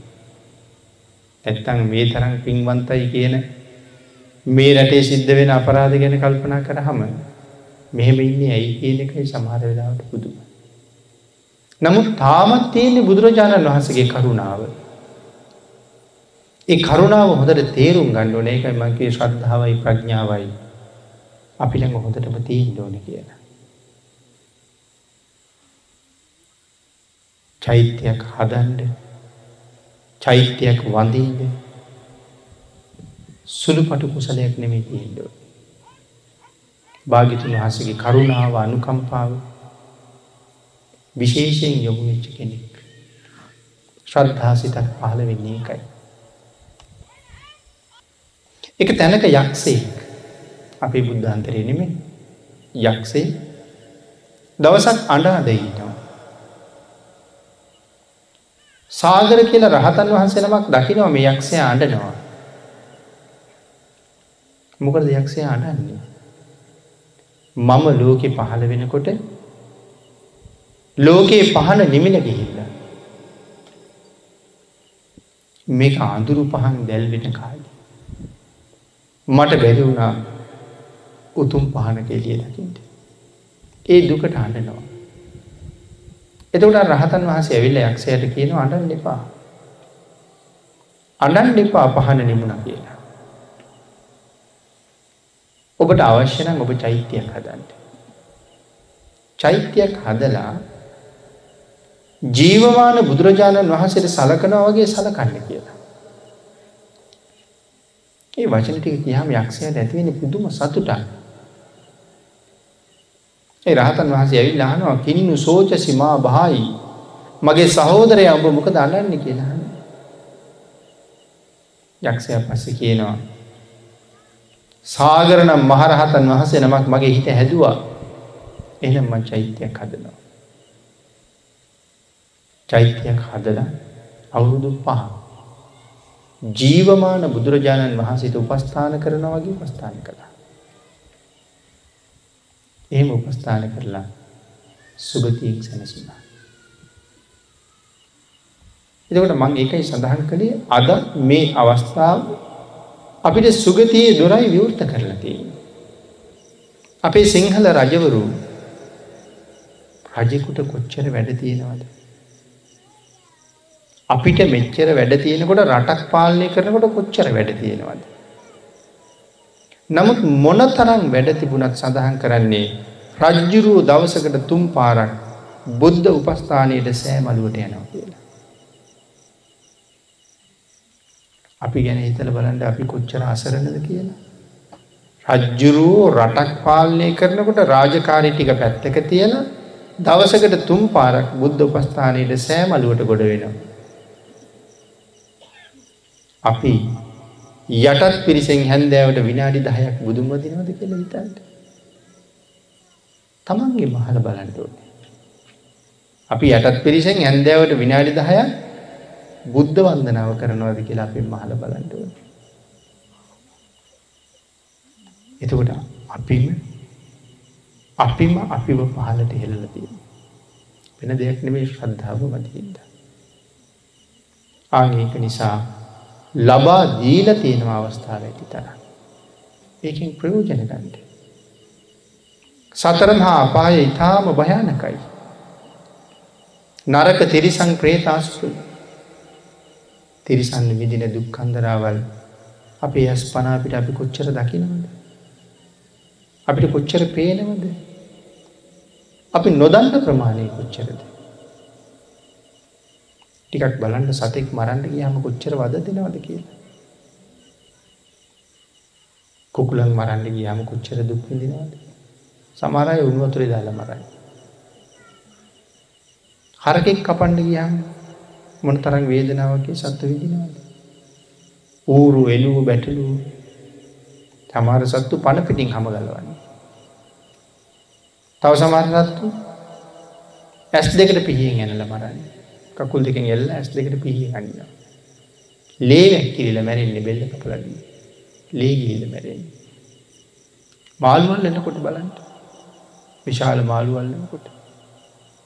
අර යකඩ කොකු හැම පැත්තෙන්ම දාලා ඇනල උත්සලාරගෙන පොල්ලෙන් ගහල. එතකොට මේ කට්ටිය මනුස්්‍යයෝ වෙලා හිටපු නැති ඇයිද. මෙදුක් විදින්නේ මේ තිරිසං ලෝකෙ යම් සත්වයෙක් අපි දකිනවනන් ඔය හැම සත්වයෙක්ම මනුස්සයෙක් වෙලා හිටපු අයි. අපිත් කාලයක් තිරිසං වෙලා හිටිය. අද මනුස්සුනා මේ ජීවිතින් පස්සේ ආයි තිරිසං වෙන්න පුළුවන්. ආය ප්‍රේතෙක් වෙන්න පුළුවන් අසුරෙක් වෙන්න පුළුවන් අපාය උපදින්න පුළුවන්. කාලයක් මනුස්සලෝක හිටපු අය ඇයි අද තිරිසං වෙලායි. මොකක් දෙකට හේතු ධර්මී පැහැදිලි කරලා තියෙන කාරණාවට අනු සිල් නැතිවිනිදා. ජීවිතේ හැම දේම අපි වගේම හොඳට කරපු අයි.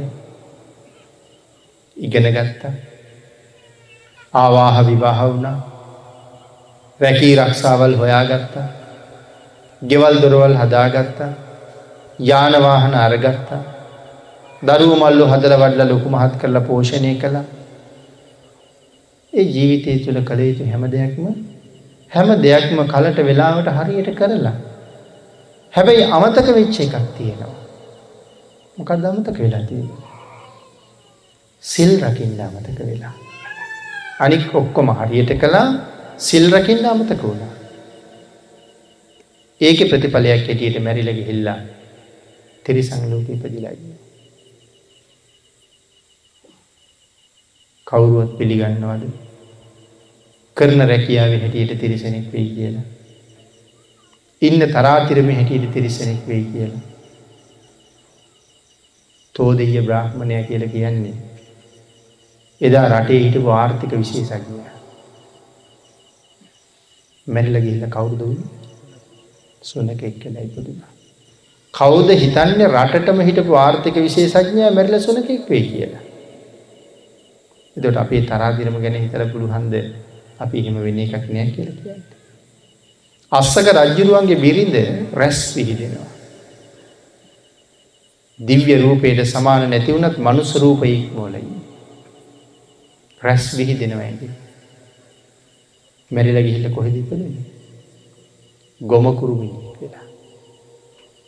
අස්සක රජ්ජුරුව මලකඳ ගෙදර තියාගෙන රන් දෙනක දාගෙන අඩන වනුකන්නු වලලන්න ගෙනියන්න දෙන්නේ නෑ. පස්සේ මහබෝසතාණන් වහසේ කලේ රිෂිවරේ රජ්ජුරුව ගෙන්නලා රජ්ජුරුවන්ගේ ඇහුව මොකද කියලා. මගේ දේවී මැරුණා දුක දරාගන්න බෑ. දන්නවද දේවිය ඉන්න තැන කියල නෑස්වාමී. ගොම ගොඩක කුරුමිනියෙක් කියලා ඉපදිලා කිවා. පිළිගන්න බෑකිවා. ගෙනල්ල පෙන්වා. තමන්ගේ ආඥාව යොදල මනුස්ස භාෂාවෙන් කතා කෙරෙව්වා. මං අස්සක රජ්ජුරුවන්ගේ බිරිත කියල කීවා. රජ්ජුරුව ඇයට තියෙන සෙනහස හින්දන මලකඳවත් විසික්කන්න නැත්තේ මහ රිෂිවරය අහන ඔබ තාමත් අස්සක රජිරුවන්ට එච්චර මාදරයද කියලා. ගොමගොඩේ ඉන්නවා තව කුරුමිණී. ඒ කුරුමිණිය පෙන්නලා කියනවා නෑ දැන් අස්සක රජිරුවන්ට ආදරේ නෑ. දැන් ආදරේ මගේ ස්වාමි පුරුෂයාට මේ මගේ දැන් ස්වාමි පුරුෂයා. තවත් කුරුමිණී. ඇය සඳහන් කරනවා අස්සක රජ්ජිරුවන්ගේ ලේ අරගෙන මගේ කුරුමිනි ස්වාමියගේ පාද හෝදන්නත් මට දැම් පුළුවන් කියලා. රජ්ජුරු ආං ඒ වෙලා තමයි කලකිරුණි. කලකිල්ල පණිවිඩයක් එව වහාම උපරි දේවියගේ දේහය විසි කරන්න ගෙනහින් කියන්න. එබ සසර තේරුන්නේ නෑ සසර තේරුණේ නෑ රජ්ජුවන්ට. නමුත් දැන් රැස් විහිදෙන ශරීරයක් තිබිච්ච ඇය මැරිල ගිහිල්ල කුරුමිණියෙක් වෙයි කියල පිළිගන්නවා. ආන් ඊට අනුව කල්පනා කරලා බලන්න ඔබට මොකක් ඉද මට මොකක් වෙයිති කියලා. මේ සංසාරය චරම භයානකයි කියල දේශනා කළ. ඒ තරන් භයානක සංසාරකින් අපි එතර ගන්න එතරට අරගණ්ඩ මහාකල් පාසංක්‍ය හතරයි ලක්ෂය එකක් මේ සංසාරයෙන් නොවිඳ පුද්දු කරන්නේ. තමන් වහන්සේට පෞද්ගලිකව නිවන් දකිින්ට ලැබිච්ච අවස්ථා කෝටි ප්‍රකෝටි ගාන එ සියල්ලමත් හැරලා ලොවතුරා බුද්ධ රාජ්‍ය හොයාගෙන ආවි ඔබට මට අනුකම්පා කරන්නට. බුදුරජාණන් වහස ගැන ටිකක් හිතන්ඩ. හිතල කල්පනා කරන්න මේ මහා පුරුෂෝත්තමයණන් වහන්සේ මේ සංසාරය මෙච්චර දුක්විදල තියෙන මම හින්දනේද කියලා. එතකොට දැනෙනවා අපිට. අපි හින්ද දුක්කිඳල නෙමෙයි මම හින්ද දුක්කිඳල කියර හිතන්ට. දාන පාරමිතාව පුරණ කාලේ අපිට මොන තරන් කෑමදීල ඇත්ත. පිළිගන්න පුළුවන්ද බෝසතණන් වහන්සේ අපිට කණ්ඩ දුන්න කියලා. ඕක තහවුරු වෙනවා එක තැනක් මේ ධර්මීතිය. සමහරලට අපේ පිනතු නහල ඇති එක කාන්තාවක් මහාකාශ්‍යප මහරහතන් වහන්සේට පිළිගන්වන්ට තියාගෙන හිටපු බත් හැන්ද ලොවතුරා බුදුරජාණන් වහන්සට පිළිගන්නවා. පිළිගැන්නේ රැවටිලා. මහාකාශ්‍යප මහරහතන් වහන්සේ බුදුරජාණන් වහන්සේත් රූපෙන් සමීපයි සමාන නෑ සමීපයි. ලොකු සමීප බෞකුත් නෑ. බැලූ බැල්මට ටිකක් ඒ වගේ පේ මොකද භාගිතුන් වහසට මහාපුරුෂ ලක්ෂණ තිස් දෙක මාකාශපයන් වහසට තියෙන හතයි එකට සමාන වෙන්න බෑ කොහොම. අසුවක් අනු ගැන්ජන ලක්ෂණ දෙසිය දාසයක් මංගල ලක්ෂණ භාගිතුන් වහසගේ ශ්‍රීදේහි සිරිපතුල්වල. නමුත් භාගිතුන් වහසගේ උසටත් බැලූ බැල්මට ආසන්නයි මොකද බුදුරජාණන් වහන්සේට වඩා අඟල් දෙකයි මිකි. ඉන්න බැලූ බැල්මට ටිකක්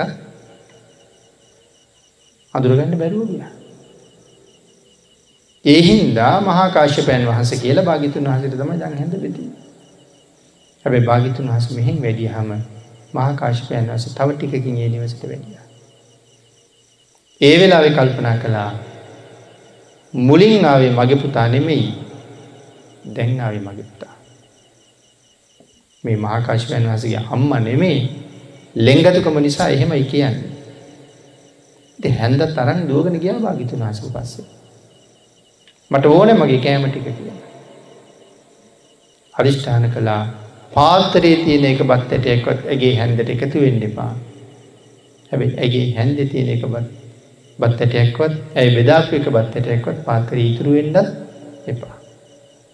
ඉති ඇය හැන්ද දාලා ගන්නකොට මේ කාර්ය සිද්ධ වුණා.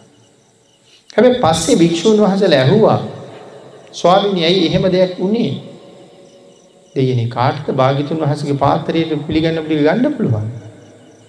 නමුත් ඒ සිද්ධිය වුණානේ ඇයි ස්වාමිනි එහෙම වුණේ ආං එදා දේශනා කලා මහණෙනී මහාකල්ප අසංක්‍ය හතරයි ලක්ෂයක පාරමිතා පුරණ කාලී. මේ කාන්තාව මේ කෝටි ලක්ෂයක් සක්වල හිටිය නෑ කියලා. එකන ඇයි හිටියම නෑ නෙමේ ඇයි හිටිය මේ කෝටි ලක්ෂයක් සක්වල හිටිය නෑ වෙන සක්වලක ඉඳලතිය. මේ කෝටි ලක්ෂයක් සක්වලින් එහා පැත්තෙ සක්වලක. ආං ඒක හින්දා ඇය මට ණය නෑ. මගෙන් බත්තේලක් ඇයට ලැබිලා ලැබිල නෑ. නමුත් අපි බුදුරජාණන් වහන්සේට කොච්චරණයිද. ඒ ණය ගෙවීම තමයි මේ කරන්න. අපි හැම මහත්තකම බුද්ධ පූජාවක් කරනවා නම් ඒ භාගිතුන් වහසිර තියෙන අයක්. හැබැයි ඒ අය ගෙවන අතරේ අපට පින් සිද්ධ වෙන වෙනම ක්‍රමයක් ක්‍රමයක් හිතන තියෙනවා. හගේ නිසා මෙවන් අවස්ථාවක් කියල කියන්නේ ජීවිතය ලැබෙන පුදුම භාග්‍ය සම්පන්න අවස්ථාව. හැම කෙනෙක්ම තමන් ලබාගත්ත ශ්‍රේෂ්ඨ මනුස්ස ජීවිතයට හැබෑම සාධහරණයක් ඉෂ්ට කරගණ්ඩ මේ අවස්ථාවෙන් ප්‍රයෝජන ගණ්ඩ උත්සා කරහන්ඩුව. මනුස්ස ජීවිතය අති දුර්ලබයි. නමුත් දුර්ලභ මනුස්ස ජීවිතය අපිට හම්බුණා. අපි පිනතුළ හිතෙන් නැද්ද වෙන රටක ඉපදුනාට වඩා මේ රටේ අපි ඉපදුනේ හුඟක් පින් කරලා කියලා. බැලූ බැල්මට එහෙම හිතෙන්නේ ලංකාවේ මිනිස්සු විඳින දුක් ඇමරිකාවේ මිනිස්සු විඳින්නේ ඒක දියුණු රට. ජපානි කියන්නේ දියුණු රට. ඒවාගේ ලෝකෙ තව දියුණු රටවල් වල ඉපදිච්ච මිනිස්සු අපි වාගේ දුක් විඳිනවද? එහෙනම් අපිත් එහෙ ඉපදුනා නම් හොඳයි කියලා හිතෙන්නේ නැද්ද? හිතෙනවා. නමුත් මෙහෙ ඉපදිච්ච අය දැනගන්න ඕනේ අපි මෙහෙ ඉපදුනේ ඇයි කියලා. එහෙ ඉපදිච්ච අයට වඩා සංසාරේ හුඟක් පින් කරලා තිබුණ නිසා තමයි ලංකාව වාගේ රටක සම්මාදිට්ඨික පවුලක අපි ඉපදෙන්නේ. ඒ අයට වඩා පින් කරලා නිසා. මොනවද ඒ අයට වඩා අපි කරලා තියෙන පින්? හිතන්නකෝ ඒගොල්ලෝ මැරිලා කොහේ ඇයිද කියලා. සම්මාදිට්ඨිකද මිත්‍යා දෘෂ්ටිකද? ලෝකේ බරපතල අකුසල කර්ම හයක් තියෙනවා. මොනවද? ආනන්තරීය කර්ම පහයි මිත්‍යා දෘෂ්ටියයි. ආනන්තරීය කර්ම වලටත් වඩා බරපතලයි මිත්‍යා දෘෂ්ටිය. ඇමරිකාවේ ජනාධිපති වෙලා සැප වින්ද අවුරුදු වැඩිම වුණොත් 80ක් 100ක් සැප විඳි. මරණයෙන් පස්සේ කොහෙද? මරණයෙන් පස්සේ ඒකාන්තයෙන් දුගති. එහෙම කල්පනා කරලා බලනකොට ලංකාව වගේ රටක සම්මාදිට්ඨික පවුලක හිඟන්නේ වෙලා උපදින එක ඊට වඩා සැපයි. හැබැයි සිහිය ප්‍රඥාව ශ්‍රද්ධාව තියෙන්න ඕනේ. අපි එහෙම ඉපදිලත් අපි අපේ ජීවිතයට ඒකෙන් ප්‍රයෝජනයක් අරගන්නේ නැත්තම් ඒක මහත් වූ අවාසනාවන්ත තත්ත්වයක්මයි. ඉතින් වැඩි වැඩියෙන් අවාසනාවන්ත බව ඇත්ත. නමුත් අපිට අවස්ථාව තියෙනවා. සසර පින් කරලා තියෙනවා. ඒ වාගේ තැනකට නොයා මේ වාගේ තැනකට ආවේ මොකටද කියන කාරණාව නමුත් මතක නෑ. ඇයි මතක නැත්තේ? මැරිලා ඉපදිච්ච හින්දා. මැරිලා ඉපදිච්චාම මතක නෑනේ.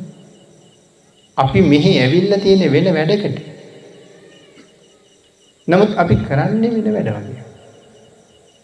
මෙහි ඇවිල්ලා තියෙන්නේ වහ වහ පින් කරගෙන ආයේ සුගතියට යන්න. නමුත් දැන් අපි ඇවිල්ලා කුසල් කරන එක පැත්තක තියලා තෘෂ්ණාව පස්සේ දුවනවා. ඒ කියන්නේ වැඩපල කරන්න එපා, සල්ලි හරි හම්බ කරන්න එපා, ව්‍යාපාර කරන්න එපා කියන කාරණාව නෙමෙයි මේ කියන්නේ. ඒ සියල්ල කරන ගමන් තමන්ගේ පෞද්ගලික ලාභය හදා ගන්න ඕනේ.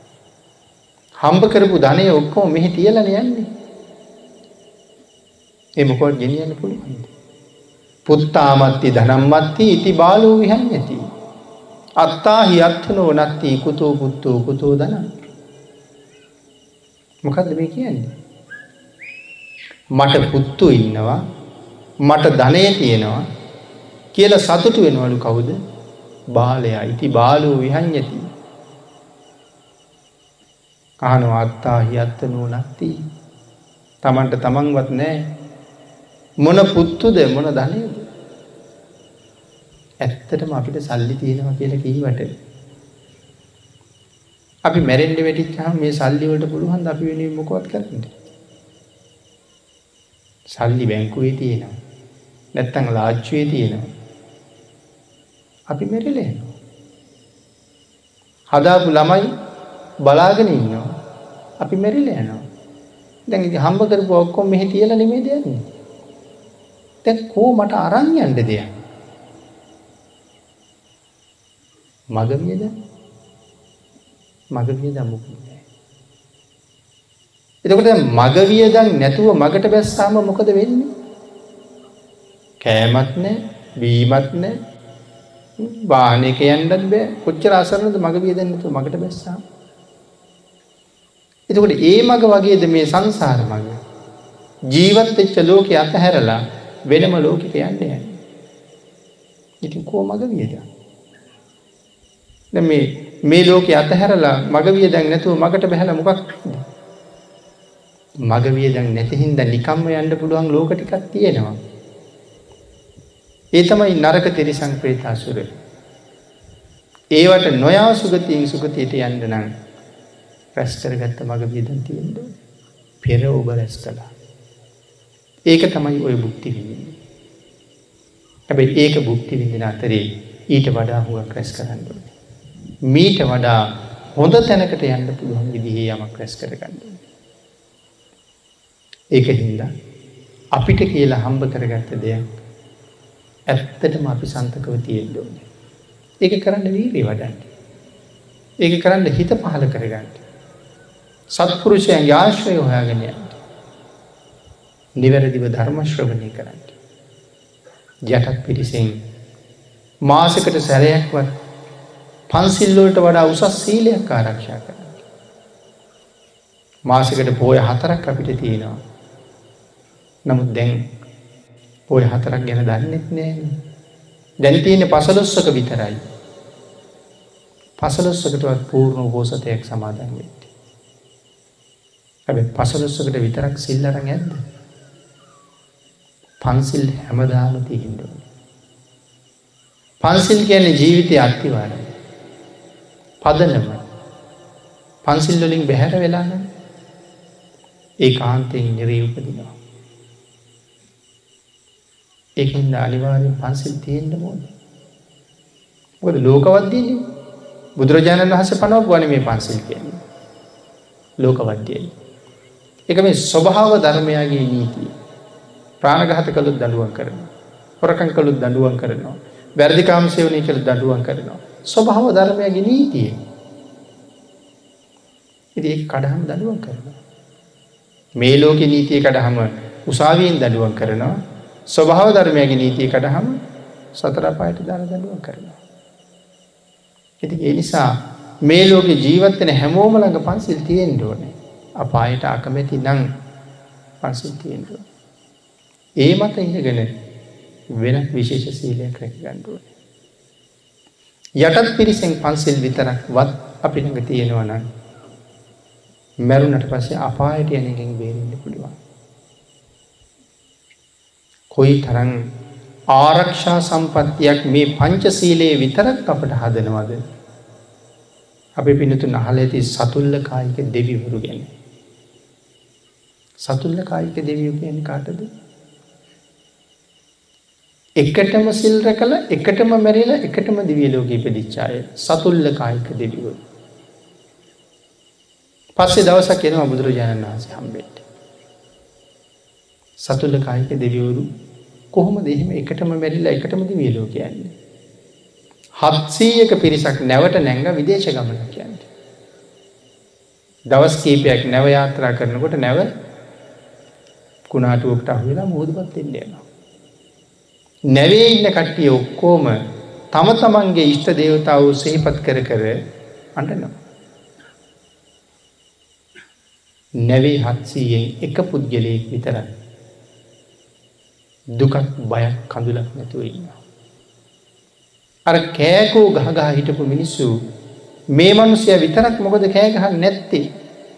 අහන ඔබට බය නැද්ද? ඔහු කියන මට බයිනෑ ඇයි නැත්තේ? මං මේ නැවට නැංගෙල්. සංඝයට දන්දීල පන්සිල් අරගෙන. මං එහින්ද මැරෙන්ඩ බයිනෑ ඉට පස අර පිරිස කියනවා එතන ඉදල කතා කරන්නේ ආචාරයතුමනි කියලා.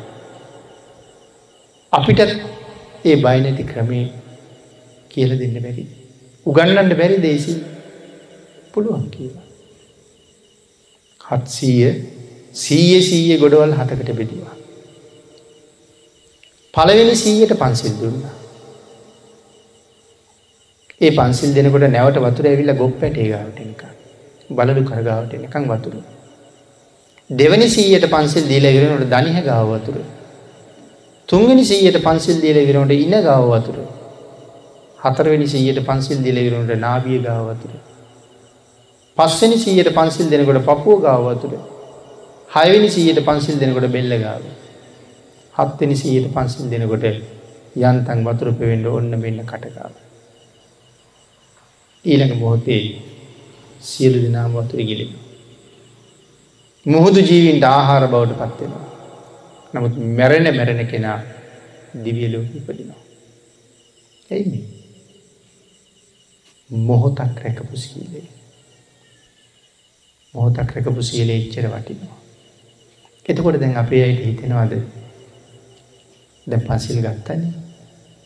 බණහන්ඩ කලින් පන්සිල් ගත්තා. හැබයි බණහන්න හිට කවරුවත් තාම පන්සිල් කැඩුවෙන එහෙනම් එහෙම මොහොතක් රැකපු සීලය එහෙම වනා නං දැන් පැය දෙකට ආසන්න කාලයක් රැකපු සීලේ නිසා එහෙනම් අපිට එහෙම වෙන්න නැතිවේද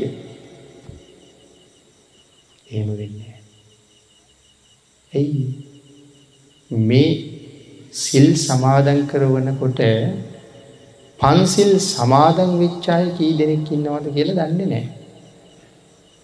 පන්සිල් කියවපු අය කී දෙනෙක් ඉන්නවද කියලා දන්නේ නෑ. සාමාන්‍යයෙන් සමාජ වෙන්නේ පන්සිල් සමාදන් වෙනවන මේ සිල් කියවනවා. සිල් කියවනවා කියන එකේ වැඩක් නෑ. සිල් සමාදන් වෙන්න. බුද්ධන් සරණං ගච්ඡාමි කියලා කියනකොට බුදුරජාණන් වහන්සේ මතක් වෙච්ච කී දෙනෙක් ඉන්නවද කියලා මතක් කරන්නකො මට නම් මතක් වුණා කියලා. ධම්මං සරණං ගච්ඡාමි කියනකොට මේ ධර්ම රත්නේ සිහිපත් වෙනවා. සංඝං සරණං ගච්ඡාමි කියනකොට ආර්ය මහා සංඝ රත්නේ මතක් වෙනවා. පානාතිපාතා වේරමණී සික්ඛාපදං කියලා කියනකොට දිවිහිීම් ප්‍රාටඝාත කරන්නේ කියලා සිහියට එන්න ඕනේ. එතකොට තමයි සිල් සමාදන් වෙනවා කියලා කියන්නේ. ඔහේ උඩබිම බලාගෙන කියවන්නම් වාලේ කියවලගී නතර වෙනවනම් ඒකට කියන්නේ සිල් කියවුණා කියලා. සිල් සමාදන් වීමයි කියවීමයි දෙක. එතකොට නැවේ ඉන්න කට්ටිය දිවි හිමියෙන් මේ සිල් උල්ලංඝනය කරන්නේ නැහැ කියලා සමාදන් වෙනවා. කොයි තරම් ප්‍රබලයක්ද මේ පන්සිල් අපේ ජීවිතවල පන්සිල් බිඳුන අවස්ථා කොච්චරද කියලා හිතල බාන්න. දවසකට කී පාරක් පන්සිල් බෙදෙනවද. හොඳට හිතල බලන්නකො සිහිය කොච්චර පන්සිල් බෙදෙනවට කිය. නමුත් සඳහන් කරනවා යම් කෙනෙක් අද අද මේ දැන් මේ සෑමලුවට ගිහිල්ලා ස්තීර සාර පොරොන්දුවක් බුදුරජාණන් වහන්සේට දෙන්න පුළුවන්නම් ස්වාමීණි භාග්‍යතුන් වහන්සේ මේ දැන් මේ වෙලාවේ ඉඳලා මම මැරුවත් මම සිල් පදේ නම් කඩන්නේ නෑ. හැබැයි ඒක හෘද සාක්ෂියට එකඟවම වෙන්න ඕනේ. දැන් හිතන්නකෝ ගෙදර යනකොට කිඹුලෙක් ඇවිල්ලා ළමයා උස්සගෙන දුවනවා කියලා. ළමයා බේරගන්න කිඹුල මරන්නේ නැති වෙයිද? එහෙම අවස්ථාවකට මූණ දුන්නොත් ඒත් කිඹුල මරන්නේ නැහැ කියන තැන තමයි ඉන්න ඕනේ. හැබැයි ඔබ එතන එහෙම්මම පිහිටියොත් සත්‍යයක් ක්‍රියාවක් කළොත් මම මේ සිල් පදේ කඩන් නැතුව ඉන්දයි කිඹුල මරන්න නැත්තේ. සමට දරුව දාලයන්න පුළුවන්. දරුවට කරුමයක් තිබෙ නැත්තා. ඒ තරම් සීලයේ සත්‍යක්‍රියාවත් ප්‍රබලයි. ආගේ මන් සඳහන් කළේ එහෙම හෘද ශාක්ෂයට එකඟවම පොරොන්දුවක් වෙලා මළුවෙන් නැගිටිනකොට පිටි පස්සෙන් පිහියෙන් යන්නොත් උපදින්නේ සුගතිය කියල කියන්න. එතකොට තේරෙනවාද හරියට රකින සීලය මොන තරම් රැකවරණයක් අපට සලස්සනවාද කියලා. මේ ලෝකෙ හම්බ වෙන හොඳම කල්්‍යයාන මිත්‍රයා බුදුරජාණන් වහන්ස. භාගිතුන් වහසේගේ ධර්මය හොඳම කල්්‍යයාන මිත්‍රී. මොකද මේ දහමට විතරන්නේ අපි අපායෙන් ගොඩ ගන්න පුළුවන්. ඉති ඒ හැර කල්්‍යයාන මිතුව තව කොහොද. ඊට පස්සේ අපායෙන් ගොඩ යන මග කියල දෙන සත්පුරුෂියු. එවන් අය ජීවිතයට එකතු කරගෙන. තමන් ලබාගත්ත ශ්‍රේෂ්ඨ වටිනා මනුස්ස ජීවිතයට හොඳ මිලක් නීම කරන්න. හොඳ මිලක්. එකන මේ හැම ජීවිතයක් මාමිලයි මනුස ජීවිත මිල කරන්න බෑන. මේ ඉන්න අය අතරත් රහත්තෙන්ට පින් තියෙන ඕන තරන් ඇති. නම් මගට බැහැලනෑ. ඒ මාර්ගයට එන්න ඕනේ. වැහිල්ල තියෙන අඳුරු පටලේ ඉරන්න ඕනේ. ඒක ඉරන්නේ සත්පුරුෂයවන් වෙච්චා. ඕනෙම කෙනෙකුගේ ජීවිතයේ සත්පුරුෂයන්ගේ ආශ්‍රයෙන් කුසලයේ මතුවෙලා එන කාලයක් තියෙන. ඒක එනකන් කියල බලාගෙන ඉල්ලබයික මතු කරගන්නට. ඇත්තන් එනකන් කියල බලාගෙන හිටිය මීට කලින් මැරුවන් එක මතු කරගන්නට ඕන.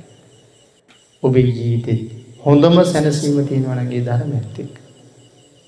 එන දුර්ලභ වූ මනුස්ස ජීවිතය ලැබුණ ලංකාවවාගේ වටිනා තැනක ඉපදුන ඕන තරම් පින්කර ගණ්ඩ අවස්ථාව ලැබුණ මෙහි කර ගණ්ඩ තියෙන පින් පින් වෙන කොහෙවත් කරගණ්ඩ බැරි තර. ආගේ හින්දා කවදාවත් පිරෙන්නේ නැති තෘෂ්ණා ගංගාව පුරවන්ඩ උත්සාහ කරන්න නැතුව තමන්ට අවශ්‍ය සාධහරණය මනාව සම්පූර්ණ කරන්න ඕන. මොද පින් කරන්නේ නැතුව හුඟක් අය කියන කතාවක්නේ වෙලාවක් නෑ කියලා. බණක් අහන්ඩ වෙලාවක් නෑ. මලක් පහනක් පූජ කරන්න වෙලාවක් නෑ.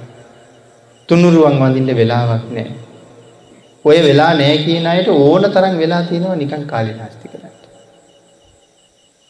එහෙම නැත්තම් අපි කැමති නමුත් මේ වැඩත් එක්ක ඉතින් කොහොමද කරන්න කියන අය කොච්චර ඉන්නවද?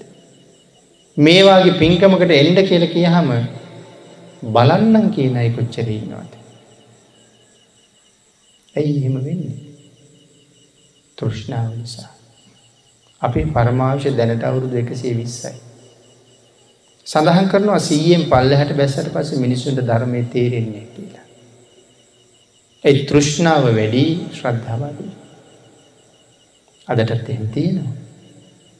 ධර්මයට වඩා දුරකථන ඇමතුමට ශ්‍රද්ධාව තියෙන අය කොච්චර ඉන්නවද? බණ අහන අතරෙත් ඇමතුම් ගන්න. බණ අහන අතරෙත් දුරකථනය උස්සගෙන නැගිටලා දුවනවා. ඉතින් ධර්මයට වඩා ශ්‍රද්ධාව තියෙන බව නේ පේන්නේ ඇමතුමට. ඒක තමයි තෘෂ්ණාව.